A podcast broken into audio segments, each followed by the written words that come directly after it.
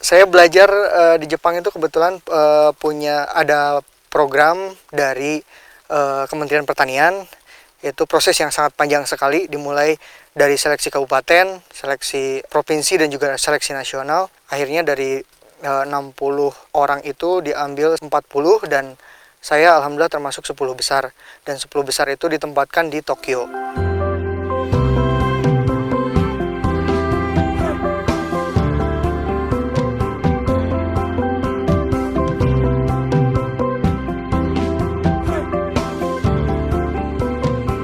Dari semenjak lahir memang saya terlahir dari seorang petani. Untuk itu pertanian bagi saya adalah suatu hal yang uh, tidak bisa dipisahkan. Karena saya juga hidup dari kecil sampai besar sampai kuliah itu dari pertanian. Akan tetapi uh, saya terpanggil ketika memang uh, pertanian di daerah saya adalah uh, pertanian yang tradisional, yang memang pasarnya ke tradisional, cara budidayanya pun tradisional, masih tradisional untuk itu uh, dari mulai sekitar tahun 2010 sepulang saya dari Jepang, saya mulai uh, mengembangkan apa-apa yang didapat dari Jepang, ilmu-ilmu yang didapat dari Jepang dan diadaptasi uh, disesuaikan dengan keadaan di Indonesia. Uh, sebagai contoh dari uh, pemasaran dan dari juga budidaya, di mana uh, untuk saat ini kita mulai mengembangkan di pemasaran untuk ke pasar yang modern yang pembayarannya lebih uh, menjamin dan juga harganya lebih uh, layak untuk para petani.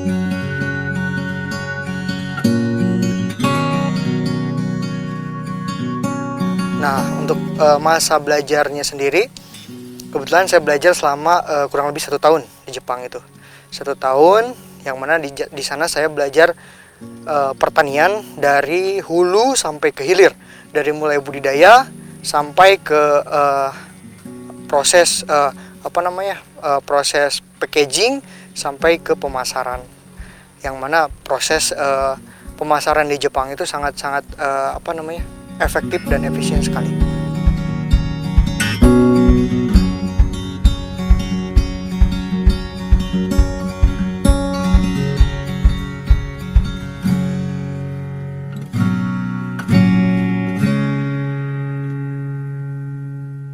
Menarik sekali.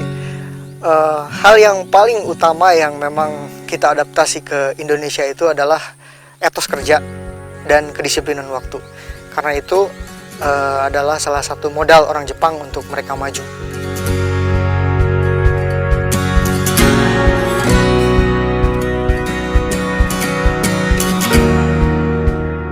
Ya memang uh, pada saat ini saya mengelola sebuah stasiun radio yang mana tema dari radio itu adalah radio petani. Radio petani karena saya ingin mengangkat uh, petani seperti itu. Pada dasarnya sejarah dari uh, saya mendirikan radio itu bahwa uh, adanya isolasi. Isolasi uh, informasi dari uh, petani dan pasar. Ketika petani tidak tahu harga di pasar gitu. Petani hanya uh, apa namanya menyerahkan kepada si pembeli tanpa tahu harga di pasar itu berapa. Nah, motivasi saya adalah untuk uh, menginformasikan, menginformasikan. Kebetulan uh, saya ada link untuk informasi di pasar-pasar uh, terdekat, misalnya di pasar Maja, di pasar uh, Cigasong, di pasar uh, Induk Ramat Jati dan lain sebagainya. Nah, untuk itu kita selalu update harga tersebut lalu kita uh, siarkan di radio karena radio adalah salah satu hiburan yang murah yang bisa dinikmati oleh para petani. Nah dari situ tidak hanya uh, apa namanya kita mengupdate harga, ternyata seiring berjalannya dengan waktu radio itu uh, juga bisa dijadikan sebagai sarana untuk belajar, sarana untuk sharing, sarana untuk belajar karena kebetulan uh, kita juga ada program yang namanya Klintan atau Klinik Pertanian yang mana kita mendatangkan eh, pakar-pakar uh, pertanian di situ dan lewat via telepon, SMS, WhatsApp kita bisa uh, menampung keluhan-keluhan dari para petani, apa keluhan mereka dan bisa kita sharing solusi-solusi problem solving yang memang kita bisa berikan.